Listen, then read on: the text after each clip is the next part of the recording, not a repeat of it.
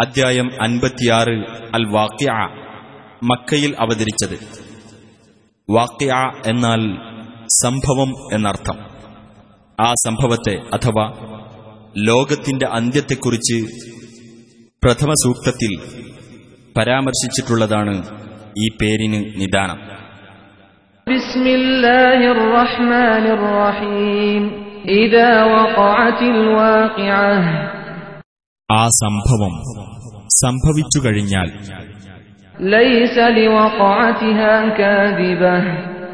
അതിന്റെ സംഭവ്യതയെ നിഷേധിക്കുന്ന ആരും ഉണ്ടായിരിക്കുകയില്ല. ആ സംഭവം ചിലരെ താഴ്ത്തുന്നതും ചിലരെ ഉയർത്തുന്നതുമായിരിക്കും. إذا رجت الأرض رجا وبست الجبال بسا فكانت هباء منبثا ഭൂമി കിടുകിട വിറപ്പിക്കപ്പെടുകയും പർവ്വതങ്ങൾ ഇടിച്ചു പൊടിയാക്കപ്പെടുകയും അങ്ങനെ അത് പാറിപ്പറക്കുന്ന ധൂളിയായി തീരുകയും وكنتم أزواجا ثلاثة നിങ്ങൾ മൂന്ന് തരക്കാരായി തീരുകയും ചെയ്യുന്ന സന്ദർഭമത്രേ അത്.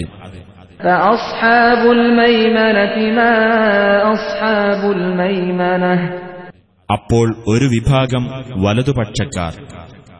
എന്താണ് ഈ വലതുപക്ഷക്കാരുടെ അവസ്ഥ?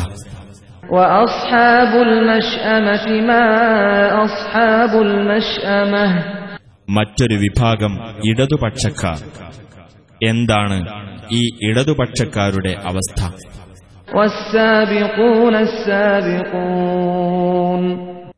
സത്യവിശ്വാസത്തിലും സൽപ്രവൃത്തികളിലും മുന്നേറിയവർ പരലോകത്തും മുന്നോക്കക്കാർ തന്നെ.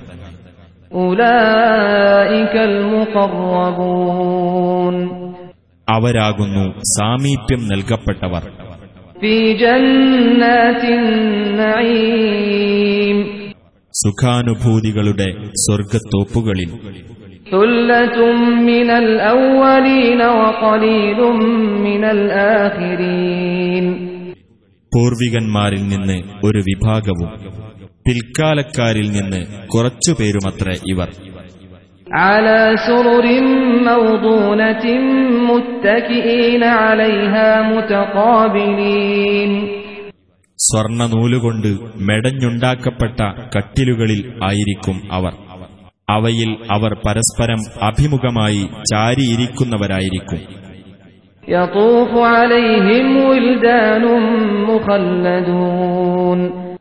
നിത്യജീവിതം നൽകപ്പെട്ട ബാലന്മാർ അവരുടെ ഇടയിൽ ചുറ്റി നടക്കും. ബിഅക്വാബിൻ മിൻ കോപ്പകളും കൂജകളും ശുദ്ധമായ ഉറവുജലം നിറച്ച പാനപാത്രവും കൊണ്ട് لا يصدعون عنها ولا ينزفون അത് കുടിക്കുക മൂലം അവർക്ക് തലവേദനയുണ്ടാവുകയോ ലഹരി ബാധിക്കുകയോ ഇല്ല وفاكهة مما يتخيرون അവർ ഇഷ്ടപ്പെട്ട് തെരഞ്ഞെടുക്കുന്ന തരത്തിൽപ്പെട്ട പഴവർഗങ്ങളും.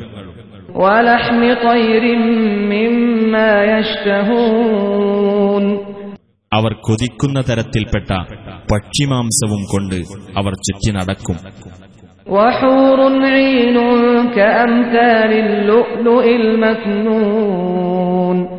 വിശാലമായ നയനങ്ങളുള്ള വെളുത്ത തരുണികളും അവർക്കുണ്ട്. ചിപ്പികളിൽ ഒളിച്ചുവെക്കപ്പെട്ട മുത്തുപോലെയുള്ളവർ.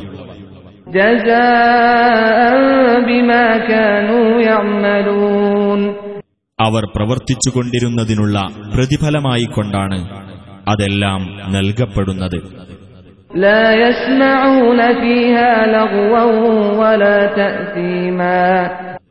അനാവശ്യ വാക്കോ കുറ്റപ്പെടുത്തലോ അവർ അവിടെ വെച്ച് കേൾക്കുകയില്ല.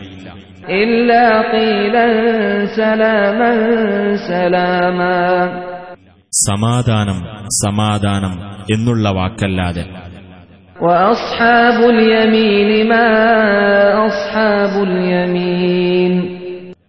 വലതുപക്ഷക്കാർ. എന്താണീ വലതുപക്ഷക്കാരുടെ അവസ്ഥ? في سدر مخضود وطلح منضود وظل ممدود മുള്ളില്ലാത്ത ഇലന്തമരം അടുക്കടുക്കായി കുലകളുള്ള വാഴ വിശാലമായ തണൽ وماء مسكوب സദാ ഒഴുക്കപ്പെട്ടുകൊണ്ടിരിക്കുന്ന വെള്ളം وفاكهة كثيرة لا مقطوعة ولا ممنوعة ധാരാളം പഴവർഗ്ഗങ്ങൾ നിലച്ചു പോവാത്തതും തടസ്സപ്പെട്ടു പോവാത്തതുമായ وفرش مرفوعة ഉയർന്ന മെത്തകൾ എന്നീ സുഖാനുഭവങ്ങളിലായിരിക്കും അവർ إنا أنشأناهن إنشاء തീർച്ചയായും അവരെ അഥവാ സ്വർഗസ്ത്രീകളെ നാം ഒരു പ്രത്യേക പ്രകൃതിയോടെ സൃഷ്ടിച്ചുണ്ടാക്കിയിരിക്കുകയാണ്.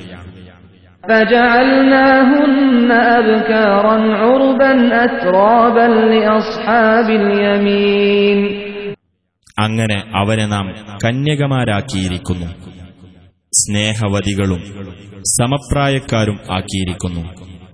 വലതുപക്ഷക്കാർക്കു വേണ്ടിയത്രേ അത്.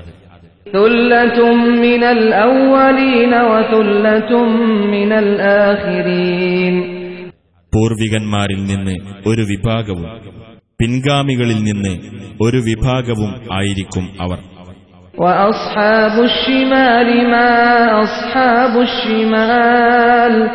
ഇടതുപക്ഷക്കാർ. എന്താണ് ഇടതുപക്ഷക്കാരുടെ അവസ്ഥ? ഫീ വഹമീം وظل من يحموم لا بارد ولا كريم തുളച്ചുകയറുന്ന ഉഷ്ണക്കാറ്റ് ചുട്ടുതിളക്കുന്ന വെള്ളം തണുപ്പുള്ളതോ സുഖദായകമോ അല്ലാത്ത കരിമ്പുകയുടെ തണൽ എന്നീ ദുരിതങ്ങളിലായിരിക്കും അവർ إنهم كانوا قبل ذلك مترفين എന്തുകൊണ്ടെന്നാൽ തീർച്ചയായും അവർ അതിനു മുമ്പ് സുഖലോലുപന്മാരായിരുന്നു وكانوا يصرون على الحنث العظيم അവർ ഗുരുതരമായ പാപത്തിൽ ശടിച്ചു നിൽക്കുന്നവരുമായിരുന്നു وكانوا يقولون أئذا متنا وكنا ترابا وعظاما أئنا لمبعوثون അവർ ഇപ്രകാരം പറയുകയും ചെയ്തിരുന്നു. ഞങ്ങൾ മരിച്ചിട്ട് മണ്ണും അസ്ഥിശകലങ്ങളുമായി കഴിഞ്ഞിട്ടാണോ ഞങ്ങൾ ഉയർത്തെഴുന്നേൽപ്പിക്കപ്പെടാൻ പോകുന്നത്?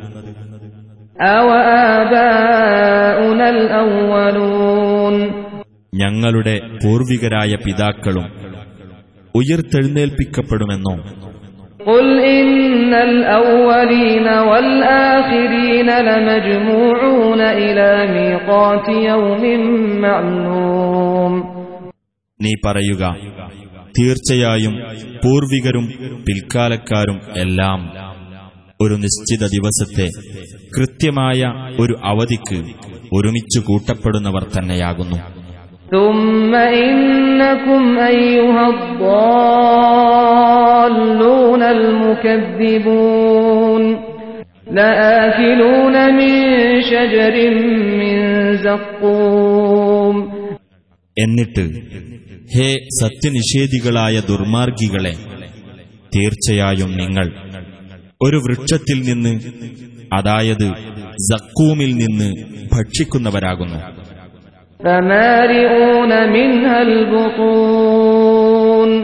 അങ്ങനെ അതിൽ നിന്ന് വയറുകൾ നിറക്കുന്നവരും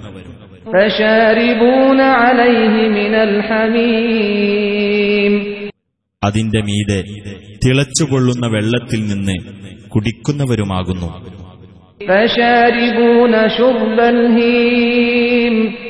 അങ്ങനെ ദാഹിച്ചു വലഞ്ഞ ഒട്ടകം കുടിക്കുന്ന പോലെ കുടിക്കുന്നവരാകുന്നു.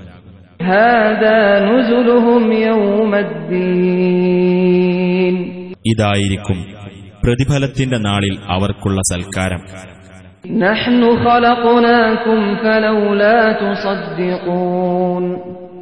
നാമാണ് നിങ്ങളെ സൃഷ്ടിച്ചിരിക്കുന്നത്. എന്നിരിക്കെ നിങ്ങളെന്താണ് എന്റെ സന്ദേശങ്ങളെ സത്യമായി അംഗീകരിക്കാത്തത്? അഫറൈറ്റും അപ്പോൾ നിങ്ങൾ ശ്രവിക്കുന്ന ശുക്ലത്തെപ്പറ്റി നിങ്ങൾ ചിന്തിച്ചു നോക്കിയിട്ടുണ്ടോ?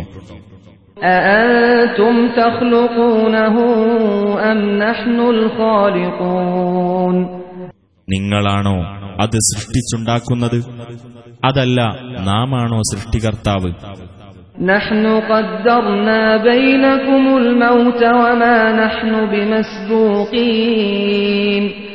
നാം നിങ്ങൾക്കിടയിൽ മരണം കണക്കാക്കിയിരിക്കുന്നു. നാം ഒരിക്കലും തോൽപ്പിക്കപ്പെടുന്നവനല്ല.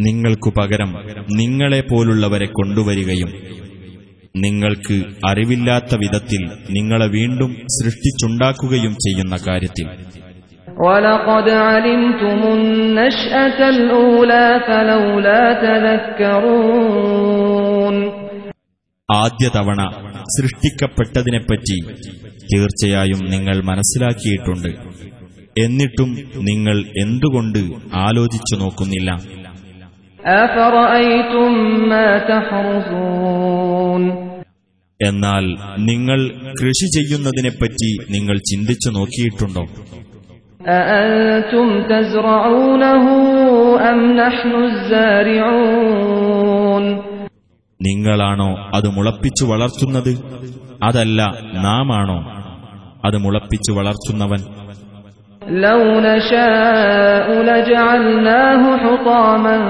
فظلتم تفكهون നാം ഉദ്ദേശിച്ചിരുന്നെങ്കിൽ ആ വിള നാം തുരുമ്പാക്കി തീർക്കുമായിരുന്നു അപ്പോൾ നിങ്ങൾ അതിശയപ്പെട്ടു പറഞ്ഞുകൊണ്ടേയിരിക്കുമായിരുന്നു إنا لمغرمون തീർച്ചയായും ഞങ്ങൾ കടബാധിതർ തന്നെയാകുന്നു بل نحن محرومون അല്ല ഞങ്ങൾ ഉപജീവനമാർഗം തടയപ്പെട്ടവരാകുന്നു എന്ന് أفرأيتم الماء الذي تشربون ഇനി നിങ്ങൾ കുടിക്കുന്ന വെള്ളത്തെപ്പറ്റി നിങ്ങൾ ചിന്തിച്ചു നോക്കിയിട്ടുണ്ടോ أأنتم أنزلتموه من المزن أم نحن المنزلون നിങ്ങളാണോ അത് മേഘത്തിൽ നിന്ന് ഇറക്കിയത് അതല്ല നാമാണോ ഇറക്കിയവൻ لو نشاء جعلناه أجاجا فلولا تشكرون നാം ഉദ്ദേശിച്ചിരുന്നെങ്കിൽ അത് നാം ദുസ്വാദുള്ള ഉപ്പുവെള്ളമാക്കുമായിരുന്നു. എന്നിരിക്കെ നിങ്ങൾ നന്ദി കാണിക്കാത്തതെന്താണ്?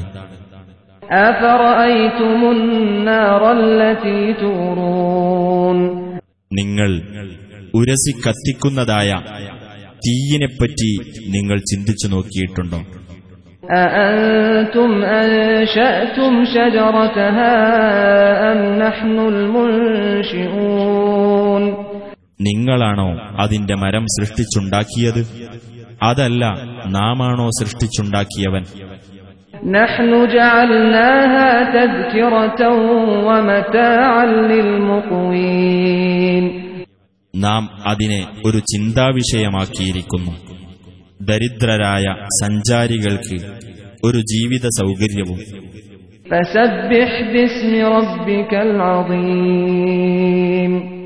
ആകയാൽ നിന്റെ മഹാനായ രക്ഷിതാവിന്റെ നാമത്തെ നീ പ്രകീർത്തിക്കുക.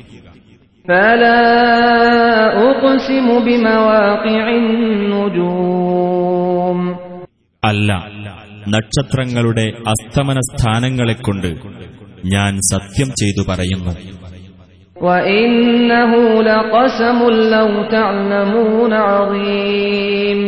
തീർച്ചയായും നിങ്ങൾക്കറിയാമെങ്കിൽ അതൊരു വമ്പിച്ച സത്യം തന്നെയാണ്.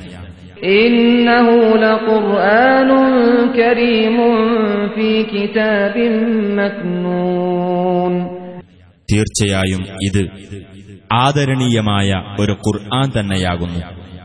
ഭദ്രമായി സൂക്ഷിക്കപ്പെട്ട ഒരു രേഖയിലാകുന്നു അത്.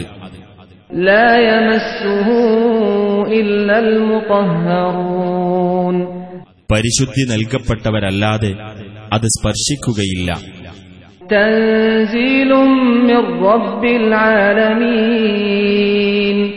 ലോകരക്ഷിതാവിങ്കൽ നിന്ന് അവതരിപ്പിക്കപ്പെട്ടതത്രേ അത്. അഫബിഹാദൽ അൻതും അപ്പോൾ ഈ വർത്തമാനത്തിന്റെ കാര്യത്തിലാണോ നിങ്ങൾ പുറംപൂച്ച് കാണിക്കുന്നത്?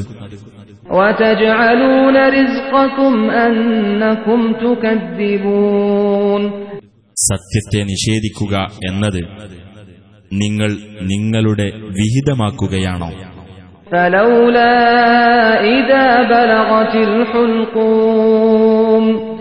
എന്നാൽ ജീവൻ തൊണ്ടക്കുഴിയിൽ എത്തുമ്പോൾ എന്തുകൊണ്ടാണ് നിങ്ങൾക്കത് പിടിച്ചു നിർത്താനാകാത്തത്?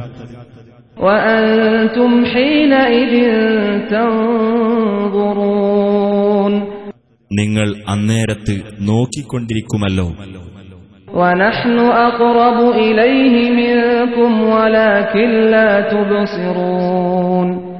നാമാണ് ആ വ്യക്തിയെ സംബന്ധിച്ചിടത്തോളം. നിങ്ങളെക്കാളും അടുത്തവൻ. പക്ഷേ നിങ്ങൾ കണ്ടറിയുന്നില്ല.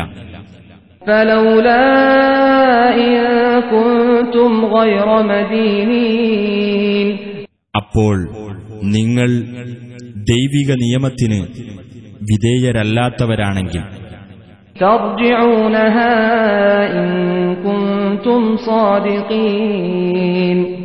നിങ്ങൾക്കെന്തുകൊണ്ട് ജീവൻ മടക്കിയെടുക്കാനാവുന്നില്ല?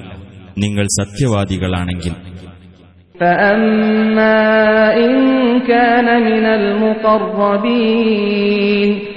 അപ്പോൾ മരിച്ചവൻ സാമീപ്യം സിദ്ധിച്ചവരിൽപ്പെട്ടവനാണെങ്കിൽ.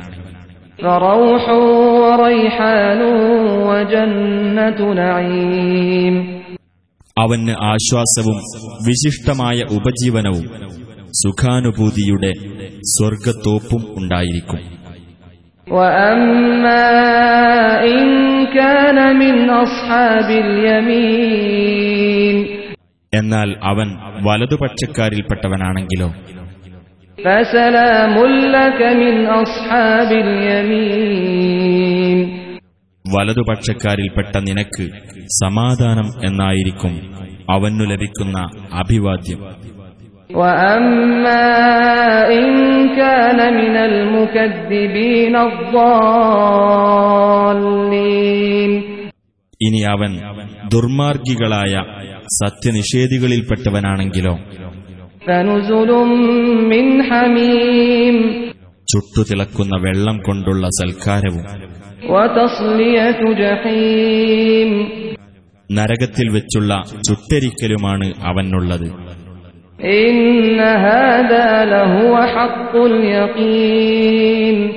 തീർച്ചയായും ഇതുതന്നെയാണ് ഉറപ്പുള്ള യാഥാർത്ഥ്യം.